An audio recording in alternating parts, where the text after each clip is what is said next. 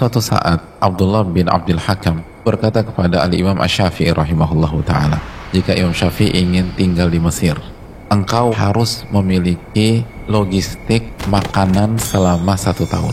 Dan engkau harus punya majelis dari penguasa sehingga engkau punya kedudukan berkata Imam Syafi'i rahimahullahu ta'ala. Wahai Abu Muhammad barang siapa yang tidak dimuliakan oleh ketakwaan tidak ada yang bisa memuliakan dia. Tidak harta tidak makanan, tidak kedudukan, tidak status sosial. Lalu Imam Syafi'i memberikan pengalamannya. Saya itu lahir di Gaza dan saya tumbuh di Hijaz. Dan dulu kita tuh nggak punya persediaan makanan untuk satu malam.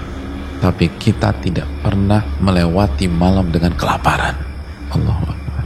Ada aja pertolongan. Dan nggak minta-minta. Nggak menjadi benalu.